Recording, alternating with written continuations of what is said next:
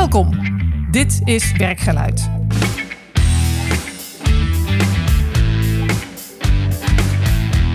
Mijn naam is Marjolein Veringa en ik ga iedere podcast in gesprek met leiders over belangrijke momenten in hun werk.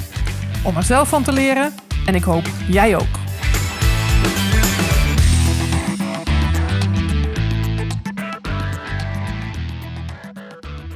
Welkom bij Werkgeluid. Ehm, ik zit hier met Suzanne Bel en ehm, nou, eigenlijk kennen we er allemaal wel. Een kleurmerkmerk met sterke nylon tassen met die signature streep erop. Eigenlijk als je in het straatbeeld kijkt, dan zie je hem regelmatig langskomen. Een must-have voor de bewuste shopper die geen wegwerptas meer wil. Ehm, maar ook vooral voor degene die van mode houdt. Dus daar kan je ook heel vol mee aan de slag. Less is more is haar motto. Maar ja, wij zijn natuurlijk benieuwd wie zit er achter al deze tassen en hoe is haar succes tot stand gekomen. Ik vraag het aan Suzanne zelf. Dus uh, hier zitten we dan. Maar even, ik vind het even leuk om ook iets van je geschiedenis uh, te weten. En jij hebt gestudeerd aan de Willem de Koning Academie in Rotterdam. Uh, klopt, ja. Ik ben begonnen met mode. Dat heb ik drie maanden gedaan, denk ik zo. Dat Zo. is al een tijdje geleden, dus ik heb niet helemaal scherp meer. En toen dacht ik, nee, dit, dit is niks voor mij. En toen ben ik overgestapt naar audiovisuele vormgeving. Mhm.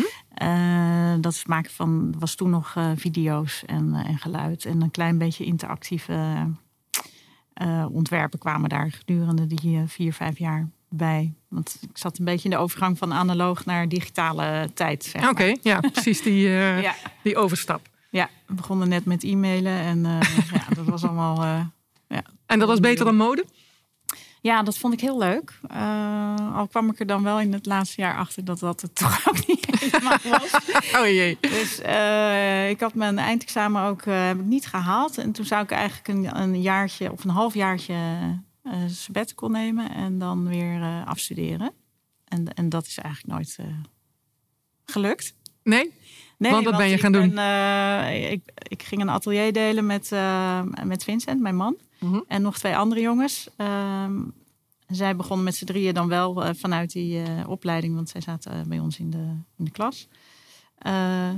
met het maken van video's. En ik, ik dacht, nou, ik ga dat half jaar gebruiken om gewoon weer een beetje de inspiratie terug te vinden. Om dingen te maken die ik vanuit mezelf wil, mm -hmm. wil doen. En ehm, ja, dat beviel eigenlijk zo goed dat ik onder andere ook die tas gemaakt heb en nog wat andere projecten die een beetje meer met interieur uh, te maken hadden. Maar je hebt het video ja. dan weer eigenlijk helemaal losgelaten. Ja, zeker. Ja. ja. En toch weer een wel, beetje. Ik ben tegenwoordig een soort digibet. echt helemaal losgelaten. Ja, echt losgelaten. Want dat is eigenlijk, met die tas is eigenlijk toch meer richting de mode of eigenlijk de eerste drie maanden van jouw uh, Willem de Koning avontuur. Denken, inderdaad. Ja. Ja. Ja. Hoe, uh, hoe kwam die tot stand? Hoe is dat gegaan? Uh, de, de tas? Ja? Ja, ja dat, is, dat uh, wordt vaak gevraagd, maar ik kan me niet heel specifiek terughalen. Uh, ik denk dat het vooral omdat ik heel erg graag weer eventjes de inspiratie bij mezelf ben. Wat wil ik nou maken en wat voor soort video's zou ik dan moeten gaan maken? Dus ik ben vooral dingen gaan doen die ik voor mezelf leuk vond. En daar is onder andere die tas uit voortgekomen. Maar ik kan me daar ging dus niet heel erg een uh, concept. Nee, het is meer een per ongeluk ding of zo. Ja, zeker. Het was Ja. absoluut een per ongeluk ding. Ja. ja, want ik ben in die tijd ook veel gewoon gaan tekenen en gewoon weer een beetje plezier in het, uh, in het maken proberen terug te vinden. Mhm. Dus dat, nee, dat is eigenlijk een heel intuïtief uh, ding geweest. Ja, nou ja, dat werkt misschien Des wel het beste. het ja, dat dat. uh, Want wat geeft jou inspiratie? Ik was mijn inspiratie kwijt. Ik moest hem weer terugvinden. Tijd voorgenomen. Hoe, hoe, hoe pak je dat dan weer op? Het lijkt me namelijk nou, heel moeilijk als door het komt geen doelen te stellen. Dus dat is uh, ja, door gewoon uh, zonder al te veel uh, denkwerk gewoon dingen te maken.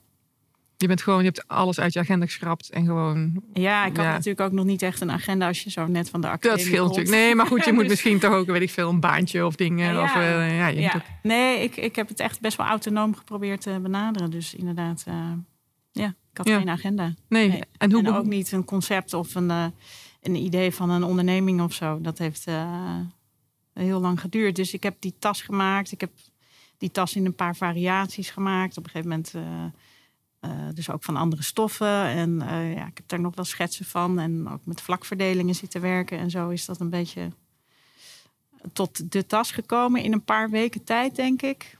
En die ben ik gaan maken voor mezelf en voor vrienden die dat leuk vonden.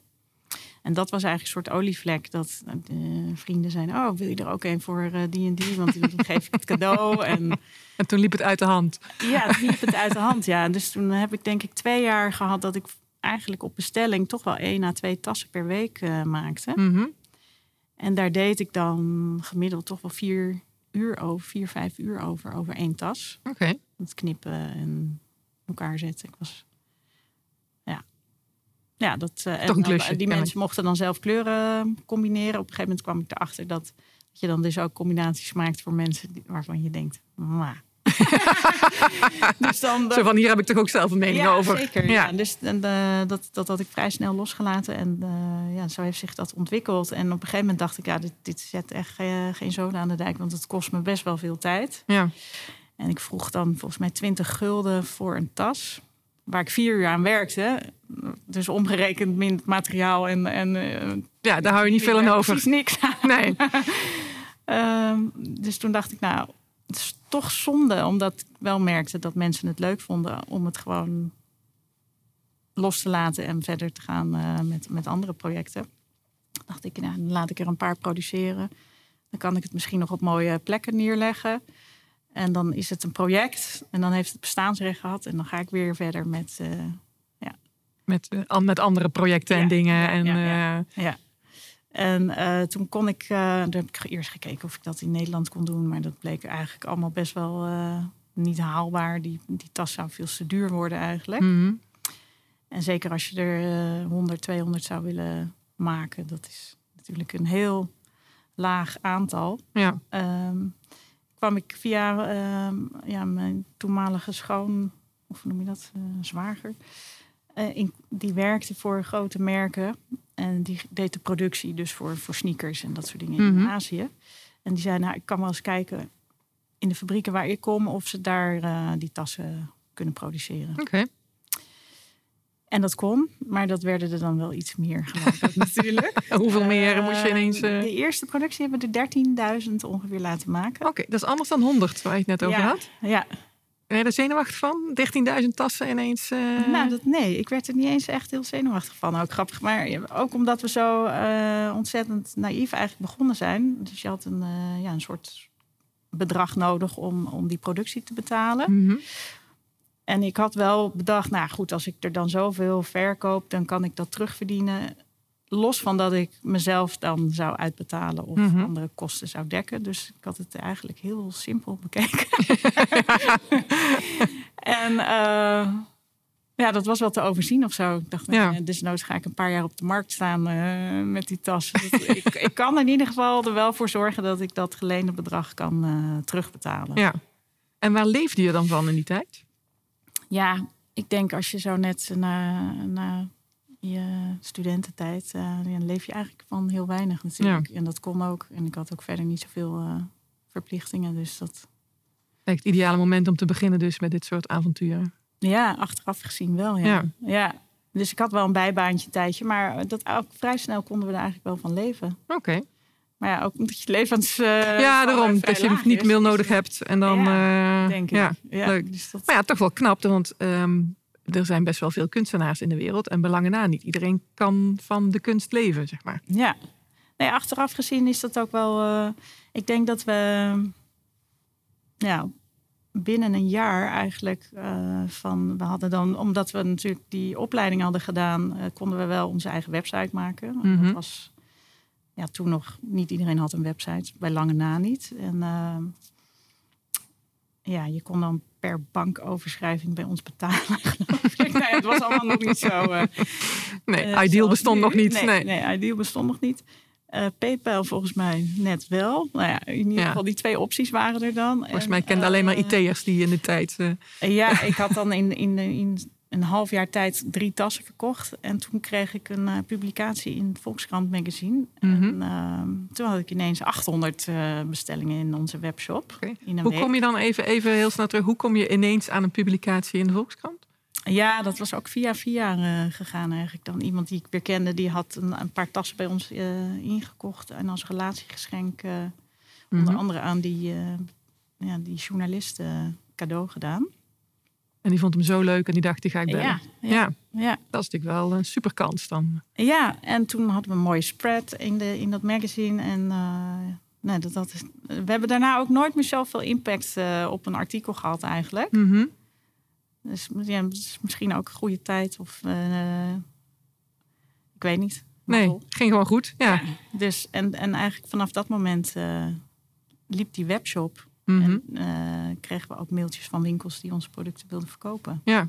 Want inmiddels, in hoeveel winkel lig je? Ik, eh, ik kom je nog wel eens tegen, de tassen zeg maar, Eh, her en der. ja, ik, ik moet eerlijk zeggen, ik heb het niet allemaal helemaal scherp. Maar in Nederland wel iets van 120 winkels, denk Ja. ik. Zo rond de 100, 120 verkooppunten. Ja, nou ja, dat is dan Ja. best, eh, best een hoop. eh, Ja, Ja. zeker. hartstikke leuk. Dus, Ja. eh, hey, en als je naar jezelf kijkt, ik had even op die website zitten kijken die je dan zo mooi eh, al lang hebt. Jij Ja. noemt jezelf designer, Ja. eh, curator of colors en post-materialist. Ja, Leg eens uit. Wat, eh, wat designer, die snap ik. ja.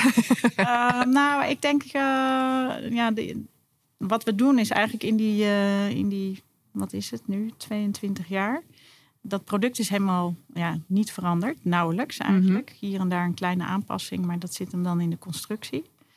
Ehm, dus wat we doen is, we, we hebben steeds een nieuwe kleurcollectie. Mhm. Dat is dat, eh, dat kleurcureren wat we doen. Dus we proberen steeds weer verrassende, eh, niet voor de hand liggende eh, kleurcombinaties te maken. Ehm, en ik denk dat we daar zo na een tijd ook best wel ja, handig mee zijn geworden. Mhm. Eh, Je durft bijna niet te zeggen goed in te worden, zie ik. nou, eh. ja, nee, maar het is allemaal zo sub- subjectief. Kijk, eh, wat ik goed vind, vindt een ander niet goed. Natuurlijk. Nee, dat is Maar- waar. Maar goed, ja, nou ja, aan de andere kant, als het goed verkoopt, is het goed ook weer een stuk misschien wel. Ja, nee, ik denk dat is wel. eh, Vinden veel mensen het leuk in ieder geval. Daar, Ja. zit, daar zit natuurlijk wel de uitdaging voor mij als ontwerper vooral in. Omdat we voegen ook maar zelden een nieuw product toe aan onze collectie. Omdat, Mhm. Ja, ik vind... eh, ja, ten eerste, je hebt niet... eh, het hebben van spullen... Voor mezelf, privé, probeer ik dat zoveel mogelijk te beperken... tot dingen die er echt toe doen. Mhm. En dat probeer ik hier in, eh, in het bedrijf eigenlijk ook eh, door te voeren. Ja, want dat Dus is eigenlijk die post-materialist. Zo van proberen zo min ja, mogelijk. die tas wel... eh, Ja. Voor die kan je makkelijk in iedere andere tas stoppen. Als je aan het shoppen bent, dan gebruik die in plaats van plastic tasjes. Dus Onder andere, er, eh, ja. En dan is die ook nog voor een heleboel andere doeleinden eigenlijk heel handig. Of Voor wat voor nou doeleinden zou je nog meer... eh, Eh, nou, ik denk, als ik zo rondkijk, de meeste Ja? mensen die die tas hebben, die gebruiken vooral die tas voor alles eigenlijk. Of je nou naar het strand, het zwembad, naar de gym gaat logeren of vakantie, whatever. Ja. ja. Je hebt eigenlijk altijd die, die tas bij je, omdat die gewoon super praktisch is. Ja. Hij is heel licht, heel sterk en heel Lekker makkelijk. op te vouwen. Ja, je hebt, eh, ja. Zo wordt die eh, gebruikt. Ja. En waar, waar komt dat minimalistische, in ieder geval die, die interesse daarvoor? Heb je dat altijd al gehad eh, in jouw leven? Ja, ja, ja, zeker. Kan je er iets over zeggen? Want waar, waar zit dat in? Zit, waarom wars van spullen? Weet Zeker een dat is echt daar, een eh, enorme andere wereld. Ja, ik, dat, ik denk dat je daar toch wel een beetje mee geboren wordt. Je bent of een verzamelaar of... Of, eh, Of juist niet. Ja. Zo travel Nee, light. ik, eh. ik kan me ook herinneren dat ik vroeger, als, als iemand bij mij, dan was ik een jaar of zes, vijf, zes, als iemand dan kwam spelen en die zei: Oh, leuk, nou neem maar mee. je mag het hebben. Ja, ik weet niet, of als ik mijn kamer opruimde, dan, dan ging het het liefst ook gewoon zo, hup, gelijk de vuilniszakken in en dan kwam mijn moeder altijd kijken, wat heb je nou weer allemaal weggegooid? en die ging er nog even doorheen. Ja, nee, ik... ik eh, dat- is dat eh, rust in je omgeving, rust in je hoofd of zo? ja, of, denk het. eh, ja, daar hebben wel meer mensen last van. ja, dat is een, een, nou ja, wel wat mij helpt, toch? Dat is de rust om je heen. Ja, Leuk. ja, dus ik vind, ik kan wel heel erg mooie, goed gemaakte dingen waarderen. Mhm. Dus nee. Maar je moet er wel echt, het moet wel echt iets met je doen. Anders vind ik het echt zonde van de energie en de materiaal en het geld. Om het om je heen te hebben gewoon. Om, Zeker, ja. je bent niet een fun shopper die op eh, Absoluut zaterdagmiddag... eh, Nee. nee. nee, het zit niet in jou. eh, leuk. Nee. En ook mooi dat dat dan in je product zeg maar terugkomt. Jouw eigen ding daarin. Leuk. Ja. Hey, en ehm, hoe je het eigenlijk schetst. Eh, klinkt het alsof het allemaal zo super soepel loopt. Eh, je komt toevallig in de Volkskrant en je hobbelt tv. Heb je ook momenten gehad waar je dacht van ja, maar toen was het echt heel erg lastig. Daar hebben we echt een dipje gehad. eh. Eh, ja, zeker. Ja, we zijn, nou ja, als we even teruggaan, denk ik zo in 2003, toen dat echt een beetje begon te, te lopen met, met dat product, ook vrij snel op de Japanse markt gaan verkopen. Mhm. Eh, die was op een gegeven moment eh, veel belangrijker dan, eh, voor ons dan de Nederlandse markt. En we hadden naar een distributeur zitten die ook produceerde. Dus, Mhm. een licentie uitgegeven om, om te produceren. En ik denk in 2008, toen de crisis kwam, toen zijn zij ook eigenlijk heel abrupt gestopt met produceren, omdat ze best wel wat voorraad hadden. Mhm. En dat was voor ons, eh, ja, dat kwam heel onverwacht. En wij, ja, zij waren zo belangrijk voor ons dat eigenlijk, eh, eh, ja, wij misten, nou denk ik zo'n beetje, wat zal het zijn, 80% van onze omzet. Oeh, ja. Ja. En als dat ineens ophoudt, we hadden net hier wat investeringen gedaan. Dat was wel, ja, vanaf toen, denk ik tot 2012, hebben we het best wel zwaar gehad. ja. En hoe, hoe ben je daarmee omgegaan? Want zij houden op met produceren. Het is misschien ook nog wel te begrijpen met en crisis en dan voor voorraad. Hoe, hoe, Ja. Heb je hem aangesproken of wat heb je gedaan? Ehm, nee, nee, ja, er, er viel niet zo heel veel eh, aan te doen, natuurlijk. Ehm, dus wij, eh, ja, wij moesten het gewoon met minder doen, eigenlijk. En dan, eh, toen zijn we ons eigenlijk veel meer gaan richten op de Nederlandse markt. En we hebben het ook heel lang benaderd als een project. Mhm. Oh, nou, we hebben onze productie alweer eh goed verkocht. Nou, misschien nog een keer produceren. Twintig jaar later. ook, eh, ja, we wilden er eigenlijk altijd allebei graag dingen naast blijven doen. Want Mhm. Vincent, mijn man, is eigenlijk vrij snel gaan helpen in 2003 toen die eerste productie kwam. Ja. Omdat het eh, ja, bleek eigenlijk dat ik het lastig vond om mijn eigen producten te verkopen. Mhm. Toen is hij zich een beetje met de verkoop gaan bemoeien om ja, toch maar te zorgen dat hij, dat die voorraad zou slinken. Eh, dat was ook het idee van tijdelijk. Nou, uiteindelijk eh, doen we het. eh, Met tijdelijk beginnen de mooiste dingen, moet je maar denken. Ja. ja. Want jij bent Maar dus niet zo'n verkoper zelf. Nee, nee. Ik, ik dacht toen van, ja, laat die spullen maar komen. En dan hebben we een webshop. En dan, dan ga ik een beetje rondrijden met, met wat spullen door Nederland. Mhm. En dan, het bleek eigenlijk gewoon heel lastig te zijn om, voor mij om zo een winkel binnen te stappen en te zeggen, eh, dit maak ik. Ja. Wil je dit inkopen? En wat maakt dat Omdat lastig het zo van jou? persoonlijk is. Dus dat is, ja, Voor jou persoonlijk, het Ja, product. ja, Ja. ja. Eh, dus dat vond ik heel, eh, dat vond ik veel spannend om dat te doen. En wat Dus is dan is spannend dat iemand zegt van... joh, ik vind die tas niet mooi. Of wat, wat is er dan spannend? Ja. Dat Ja. is de, ja. Ja. En voor jouw man Vincent is het dan makkelijker, want die is net iets Ja, meer afstand of zo. net iets verder vandaan. En eh, ja, Ja, nou ja, verkoop is ook een vak. Is weer iets Ja, anders dan nee, designer zijn maar. ja, absoluut. Dus, eh, Dus eigenlijk al vrij snel zijn we ook met een agent gaan werken in Nederland hoor. mhm. Want eh, is toch makkelijker. dat is beter. Ja, dat Iedereen is zijn kracht. Ja. Ja, maar goed, dat zie je Ja. wel bij... Nou ja, eh, als ondernemer lijkt het soms wel of je alles moet kunnen. Maar dat is natuurlijk niet zo. Je bent natuurlijk in het een beter dan in Nou het andere. In het begin moet je dat natuurlijk allemaal zelf doen. En we, we doen nog steeds eigenlijk eh, veel zelf. Ondanks dat we nu met een groot team zijn. Maar eh, ik denk nog niet zo lang geleden zaten we hier met z'n vieren op kantoor. Dus we Hmm. hebben het heel lang wel zo gedaan. Maar nee, Ja, want nu zit je met hoeveel? eh, met 23 mensen. Met 23. zijn Oké. Ja. En waardoor is die groei ineens eh gekomen? we. Ehm, nou, wij doen eigenlijk... eh, werken wij gewoon eh, vanuit onze eigen portemonnee. Om het Mhm. zo te zeggen. Dus we hebben nooit eh, investeerders. Of, eh, en eer dat je dan een beetje zo die cashflow en alles hebt opgebouwd. En zo'n... eh, ja, dat heeft gewoon, eh, Heeft gewoon tijd ons nodig. best wel tijd nodig gehad. En ik denk dat we in 2012, ehm, toen we een beetje uit die dip kwamen van die Japanse crisis, Mhm. Eh, toen zijn we het ook pas echt als merk gaan benaderen. Dus ehm, ja, dat is eigenlijk een soort tweede beginpunt geweest voor ons.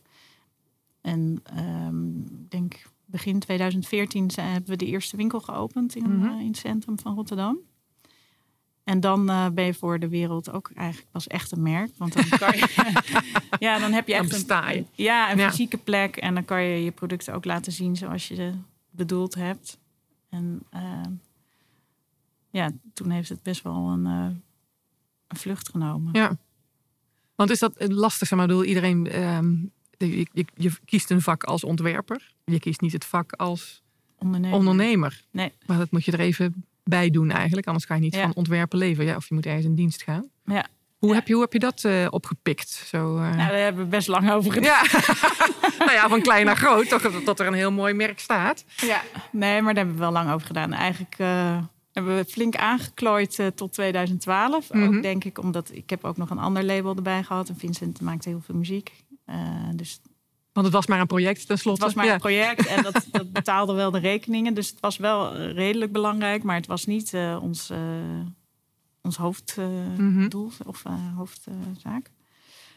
Um, en vanaf 2012 was dat wel zo. Dus dan merk je ook dat dat goed is als je je ergens op focust en al je nevenactiviteiten laat. En, en, ja, toen zijn wij ook gaan kijken wat, wat is wat voor andere producten moeten we dan gaan maken? Want tot 2012 eh, hebben we eigenlijk alleen maar die shoppingbag gemaakt. Mhm. En, uh, en daaromheen zijn we dan andere producten gaan maken om een soort uh, ja, voor, voor de buitenstaander, voor de, ja, om, om het te begrijpen, wat is het voor merk? Mm ja. En dat was best wel spannend, want we gingen ons ineens toeleggen op tassen en accessoires. Ja, terwijl deze tas maar per ongeluk ontstaan was eigenlijk. Ja. Ja. En jezelf beperken natuurlijk ook. Van, nou ja, wat voor materialen gebruik ik dan? En, ja, ja maar ook echt het een signatuur te geven van dit is mijn merk en zo ziet het eruit. Was dat nog lastig om daarin te kiezen? Uh, nou, uh, op zich niet, denk ik. Maar uh, het is wel lastig om jezelf als ontwerper op die manier te beperken. Want dat was nou precies waarom we eerder nog niet een merk waren geworden. okay. Dat je eigenlijk gewoon alles zou willen kunnen doen. Ja. En dan merk je dat als je dat dus een tijdje wel de, doet, die beperking oplegt, mhm. dat er ook wel weer een moment komt dat je wel uh, uitstapjes kan maken. Ja, omdat het merk dan robuuster is, bedoel je dat? Of, uh, Oké, dus eigenlijk zeg je, geeft het me meer kansen juist, juist door dat groter te maken. Ja, zeker. Maar toen niet denk ik. In Omdat het nog te klein was. Ja, dus dan begrijpen mensen niet dat je ineens een servies... Uh, hè, maar je maakt ze toch tassen of uh, wat, wat, dan begrijpen ze het merk niet. Oké, want dan ben je niet designer. Eigenlijk ben je gewoon een, een, maker van tassen geworden. Ja. Dat is de, de logica die daarin zit. Ja. Want wat was je favoriete... Ja, het, ja, niet? gaat vooral denk ik om de herkenbaarheid van, van het handschrift. Ja, ja. nu dus dan had het servies met dezelfde streep of zo moeten zijn. Of, uh... Ja, die beperking die hadden we die onszelf wel. wel toegelegd. En dat vond ik zelf als ontwerper wel lastig. Ja. Dat je kan niet meer los. Over die kleuren en die streep ging. ja. Nou ja, want je zei in het begin, nou ja, om weer nieuwe inspiratie op te doen, uh, heb ik alles losgelaten en ben ik weer vanaf nul uh, gaan. En dat kon natuurlijk niet meer. Nee. Nee, dat is wel even wennen, lijkt me. Ja. ja. Maar goed, het, het werkt wel. ook weer allerlei andere leuke nieuwe dingen. Namelijk, we hebben echt wel lol gekregen in het bouwen aan een merk. Mhm. Ja. ja. Wat, wat is het moeilijkste aan het bouwen aan een merk? En nou, dat je dus volgens je eigen gemaakte regels wel. Dat je dat echt moet uh, vaststellen. ja. Want wat was je favoriete uitstapje, zeg maar, voordat je dit deed? Wat voor uh, leuks deed je ernaast? Dat je los moest laten?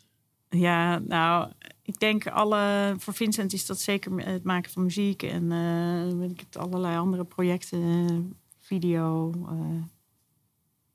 nou, dat soort dingen. Mm En ja, daar besteden die toch best wel veel tijd aan in een week. En ehm, ja, ik heb ook nog een ander, ander label gehad met iemand anders. Mm -hmm. Dat deed ik ernaast. dat waren dan lederen, leren tassen. En ik vond het ook leuk om in opdracht uh, ja, meer dus, uh, ruimtes in te richten. Uh, expo ruimtes, dat soort dingen. Ja. ja. En dat, ja, dat stukje naar, zeg maar, meer naar interieur neigende ontwerpopdrachten, ja, dat vind ik wel leuk. Ja. Maar goed, dat kan ik nu ook nou kan je die uitstapjes weer doen, zeg maar. Eigenlijk heb je dat verdiend om weer te kunnen doen. in onze eigen winkels uh, vormgeven. Dat is waar, ja. Zo organiseer je, je eigen werk. We verkopen hier in deze winkel dus ook uh, interieur producten van andere ontwerpers die we mooi vinden. Dus Oké, kijk, dan wordt het al breder. ja, Wordt het dan. Ja, leuk. Ja, want je bent zelfs bij Paul Smith en zo terechtgekomen. Wat toch ook echt hele grote, gerenommeerde kledingmerken eh, zijn. Hoe, hoe Ja. ontstaat dan zoiets? Want dan sta je in de Volkskrant en dan verkoop je wat meer. Maar hoe, hoe komt dat de wereld rond eigenlijk? Ehm, ja, ik denk dat wij. ehm, ja, wij eh, werken eigenlijk vooral met mensen die ons benaderen. En we hebben wel op, in sommige gebieden agenten die dan wel actieve sales doen, maar eh, hier vanuit kantoor niet. Ehm, we hebben geluk dat vaak via via die tas wel overal terechtkomt. En dat we dus ook eh, eh, worden benaderd door bijvoorbeeld een Paul Smit die eh, een tas wil inkopen. We komen natuurlijk ook wel op beurzen, Mhm. maar niet. Dit is een product wat zichzelf verkoopt, hoor ja, ik. eigenlijk wel. Ja. Ja. Ja. ja. we hebben eigenlijk altijd wel zo'n beetje achter die tas ik. ja. Ja, oh, wat Ja. heerlijk. En ja, ook heel dus, vaak eh, op punt gestaan om het van de hand te doen. Omdat je er dan denkt, ja, dit was, dit was tijdelijk. Mhm. Eh, dus wat zijn we nou aan het doen? Vincent eh, noemde zichzelf altijd de El Bundy van de tassen. Toch een beetje de slaaf van, van zo'n product geworden. Dus Ja. je denkt, ja. ja, van een, van een project na 20 hebben, jaar. We hebben best wel vaak ja, labels benaderd om, om dan ons product onder te brengen. Mhm. Toch gewoon steeds het laatste moment afgehaakt. Omdat je dan ja, toch voelt ergens dat er meer in zit. En dat iemand anders, eh, ja, die heel veel andere producten ook heeft, daar toch minder aandacht aan kan eh, geven dan jijzelf. Dus Ja. zonde om je kindje weg te geven Ja. eigenlijk. eh, ja. Ja. Want, waar, want waarom zou je het dan zou je het verkopen, zeg maar, om zelf weer iets nieuws te kunnen starten? Dat Ja, zit daar dan, achter. Krijg je, dan krijg je royalties voor elk geproduceerd product, Mhm. vaak. Eh, en dan heb je natuurlijk zeeën van tijd om, eh, om Ja, andere dingen te eh, doen. dingen te maken. Ja. Maar toch laat het je niet los. eh. Nee, nee. En op een gegeven moment hebben we dat ook maar gewoon helemaal omarmd. Dat dit het dan is voor ons. nou, en inmiddels dus heel veel andere producten en dingen erbij. En ja, eh, nee, is het. hartstikke eh, leuk. Maar we hebben onszelf wel eh, best wel vaak dan wel weer opnieuw eh, moeten mot- eh, ja, motiveren, zeg maar. En heel vaak ging dat niet.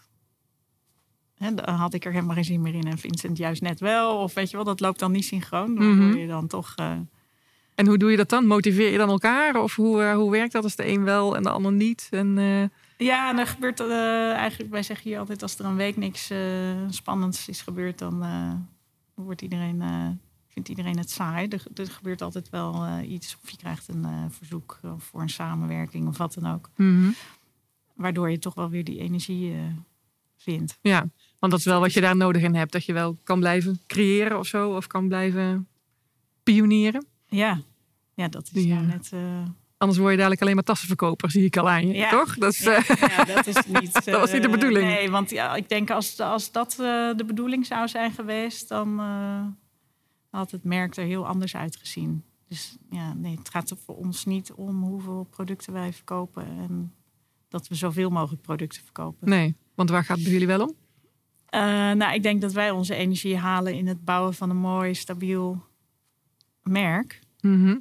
Eh, en de, alle uitingen die we daar, eh, dus campagnes en fotografie, dingen die, ja, die dingen maken het leuk voor ons. Ja, en samenwerkingen die we doen met andere ontwerpers. En ja, Dus er komt dadelijk ook een eh, Suzanne Bel. is eh, niet per se onze. Nee. want dan hadden we het wel anders aangepakt, denk ik ook.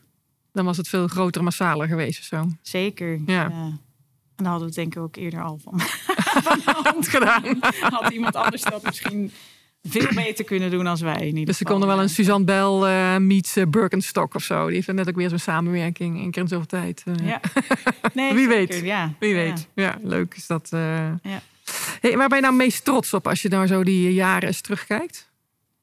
Ehm, nou, we hadden natuurlijk nooit gedacht dat we dit eh 22 jaar later nog zouden doen. Nee, Dus daar, daar grappen we wel vaak over. En dat is, dat is wel bijzonder. We hebben zeker.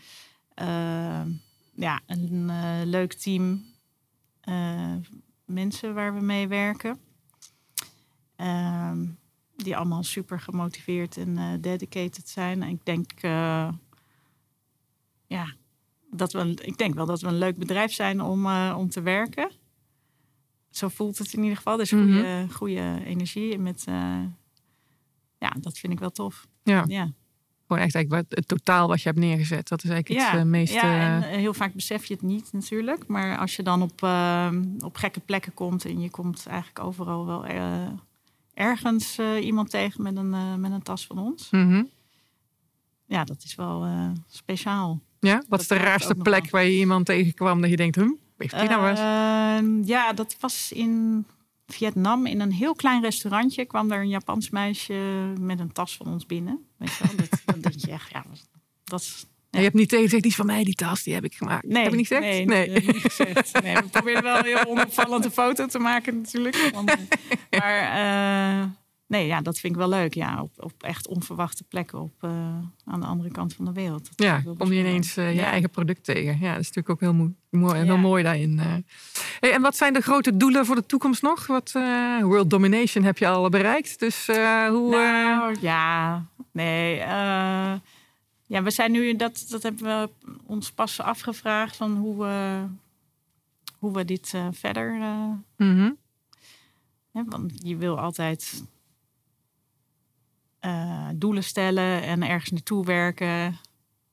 Maar het is eigenlijk ook gek om eh, te zeggen, nou, dit is behapbaar, dit is leuk. We hebben nu eigenlijk genoeg mensen. Of eh, Mhm. Het is groot genoeg of het zo? is groot genoeg.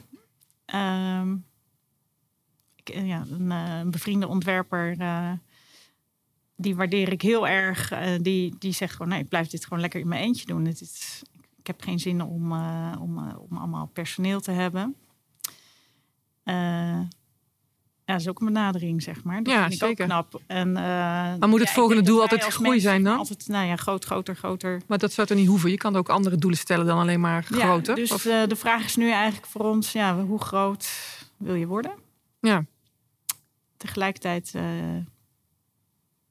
ja, wil je ook bezig blijven. Ja, want jij wil iedere eh, keer iets nieuws spannends uh, ja, zijn. Het, ja. Dus dan moet je iets nieuws spannends bedenken. En groei is daar natuurlijk alleen maar één van. Ja. Ja. Dus het kunnen ook nog, toch nog nieuwe projecten. eh, ik ja veel, deze en tas nog. zit hem dus niet per se in, in eh, die collectie eh, heel erg uitbreiden, omdat nou ja, hoeveel tassen wil je hebben, zeg maar. Als Mhm. je gewoon een paar goede producten hebt. eh, die een soort van multifunctioneel zijn. En eh, ja, dus we, we- zijn niet per se eh, aan het nadenken over de collectie heel veel groter maken. Of, eh, Nee. Dus het is meer, denk ik, eh, net even de goede winkels in Europa en in, in de wereld gaan bedienen. Dus En het is toch een niet per soort. se heel erg agenten zoeken. En, en bijvoorbeeld in, in Duitsland meer dan eh 200, 300 winkels willen hebben of zo. Nee, het is een bescheiden groei waar je naar zit te kijken dan.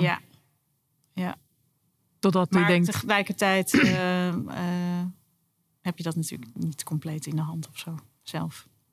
Nee, dat sommige dingen gebeuren natuurlijk ook Ja. gewoon. Maar ja, dat, dat hoef je ook geen doel te stellen. Dan ga je gewoon het meemaken. Dus dan is het. eh, dus eigenlijk is, is het ook een beetje een vaag doel nog. het, is een, het, is, ja, het is zeker nog een beetje een vaag doel, ja.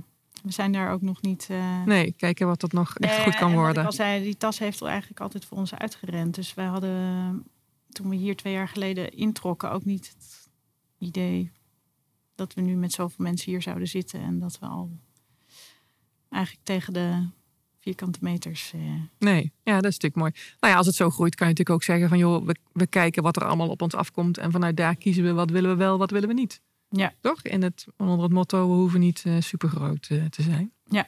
Op zich vind ik dat wel mooi. Dat hoeft niet alleen maar. Het hoeft niet alleen maar groei te zijn om gelukkig te worden, zeg maar. Nee. Dus dat is, eh, dat is natuurlijk ook wel een mooie, eh, mooie daaraan. Ja. Nee, in het ondernemerschap, is, is dat iets wat je inmiddels aan je is blijven kleven? Voel je je ondernemer of voel je je designer? of... Ehm, Nee, ik zou niet zeggen dat ik. eh, ik voel me meer ondernemer dan eh, ontwerper, denk ik. Ja? ja. inmiddels wel. Ja, het ontwerpen is eigenlijk maar een klein stukje van wat we doen in een jaar. Ja. ja, dat zijn toch maar enkele weken per jaar, zeg maar, dat je dan. Ja, en de ik ben natuurlijk eh, wel eh, heel erg bezig met. eh, om alles vorm te geven. Hè? mhm. Dus, Ja, ook de verpakking en ook de, ja. de, de- waar je het mee opstuurt en dat soort dingen natuurlijk. Ja. Ja. ja dat zit er, dat zat er wel in. Ja. Nou, wat, wat ik er wel mooi aan vind, en ehm, eh, wat ik al zei, en ik heb ook een zoon op de kunstacademie zitten. En daar wordt niet echt ondernemerschap geleerd. Wat ik altijd heel apart vind. Want als je zo'n school doet, dan word je bijna ondernemer, zeg maar. Hè? Dus uh, dat gebeurt heel vaak. Uh, dus wat zou jij deze mensen eigenlijk ehm, voor tip geven die dan.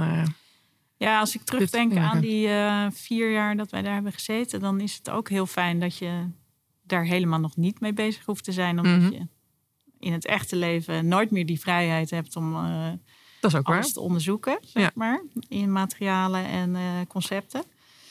Uh, en ik had, wij hadden zelf nog wel een paar vakken die dan wat uh, specifieker waren, zoals zakelijke scholing en zo. Dan leerde je iets over boekhouden. Nou, daar had echt niemand in. Was je wel naar de EO gegaan? Ja, was leuk? Je dan misschien ook wel gewoon. Uh, en tegenwoordig zijn die opleidingen, geloof ik, nog wel weer toegepaster dan nu. Maar je moet, ik denk als, als creatieveling, ja. dat zijn toch ook gewoon twee verschillende mensen, de ondernemer en de ontwerper. En ja, sommige mensen kunnen het allebei, maar de meeste niet, denk ik. Is denk ik ook niet erg. Soms vinden ze een partner die dat wel uh, heeft. Uh, dat is eigenlijk de beste combinatie, zou ik zeggen. ja, dus weet eigenlijk, ja, eigenlijk wat je zegt, weet waar je goed in bent en zoek er anders iemand bij voor de stukken wat niet lukt. Ja. Ja. ja. En het is natuurlijk wel fijn als je, als je beide eigenschappen bezit, maar ja, Nee, ik denk niet dat dat heel vaak voorkomt. Nee, en dat hoeft dus eigenlijk ook niet. Ik denk dat wij daar ook allebei uh, heel lang over hebben gedaan om dat een beetje onder de knie te krijgen. En we zijn er ook nog geen ster in. Mhm. In wat zijn jullie geen ster, bedoel je dan? In het ondernemen, zeg maar, zakelijke keuzes maken. Mhm. ja, bij ons, de creatieve keuze staat altijd boven de zakelijke keuze. Ja. ja en eh, inmiddels heb je dan wel mensen om je heen die uh, of in het team zitten die, die er anders naar kijken. Mhm. Maar nee, ja. Ja, ik denk wel dat, uh, dat commercieel gezien, zeg maar, dat, ja, dat we niet alles eruit hebben gehaald wat erin zit, misschien of zo. Nee. Maar ja, ja, we vinden dat niet zo belangrijk. Ja, ik wou zeggen, dat is ook wat ik er helemaal uit hoor. Dus ja, was je dan, eh, was je dan blij geweest met je eigen bedrijf als, als uh, winstmaximalisatie het ultieme doel was? Want dan krijg je, wat je al een paar keer zei, een totaal andere organisatie, wat misschien helemaal niet bij jullie past. Ja. Toch? Dat is dan de. Maar goed, het, heeft, uh, het heeft wel lang geduurd. En er zijn ook mensen die, die benaderen hun bedrijf natuurlijk vanuit een soort businessplan. En die, die hebben een investeerder en die die gaan het vijf jaar zitten proberen. En als het niet gelukt is, dan uh, gaan ze iets anders doen. Ja. Zo kan het ook. Zo kan het ook. ja, ja. maar jullie hadden een heel leuk project. Ja. En uh, daarmee zijn je. ja. Nee, dus ja. En wij hebben er eigenlijk vrij lang over gedaan. Inderdaad, ook het professionaliseren van ja, intern. Nou, top. En nu staat er. Systemen en dat soort dingen. Weet je, toen Waar je nooit op hebt gerekt. Dan stonden we nog uh, te turven met. Uh, ja, moest de voorraad elke week weer bijgewerkt worden in een Excelletje. Ja, dat. is nu niet meer. Dat is nu niet meer. Maar ja, zo, zo is dat stapje voor stapje. Is dat een ja, beetje... leuk. Nou ja, ook een leuke manier om ondernemer te zijn. Dus. Uh, ja. Um, nou, mooie tip voor iedereen. Dus Kijk waar je goed in bent en neem er ander iemand bij voor jouw aanvullende stuk, zeg maar. Vind ik mooi. Dus um, nou, hartstikke bedankt voor jouw uh, mooie verhaal en uh, jouw inspiratie in de dingen die je aan het doen bent. Graag gedaan. Oké.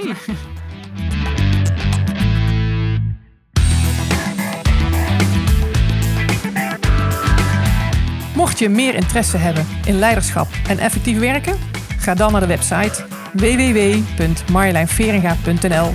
Tot de volgende podcast.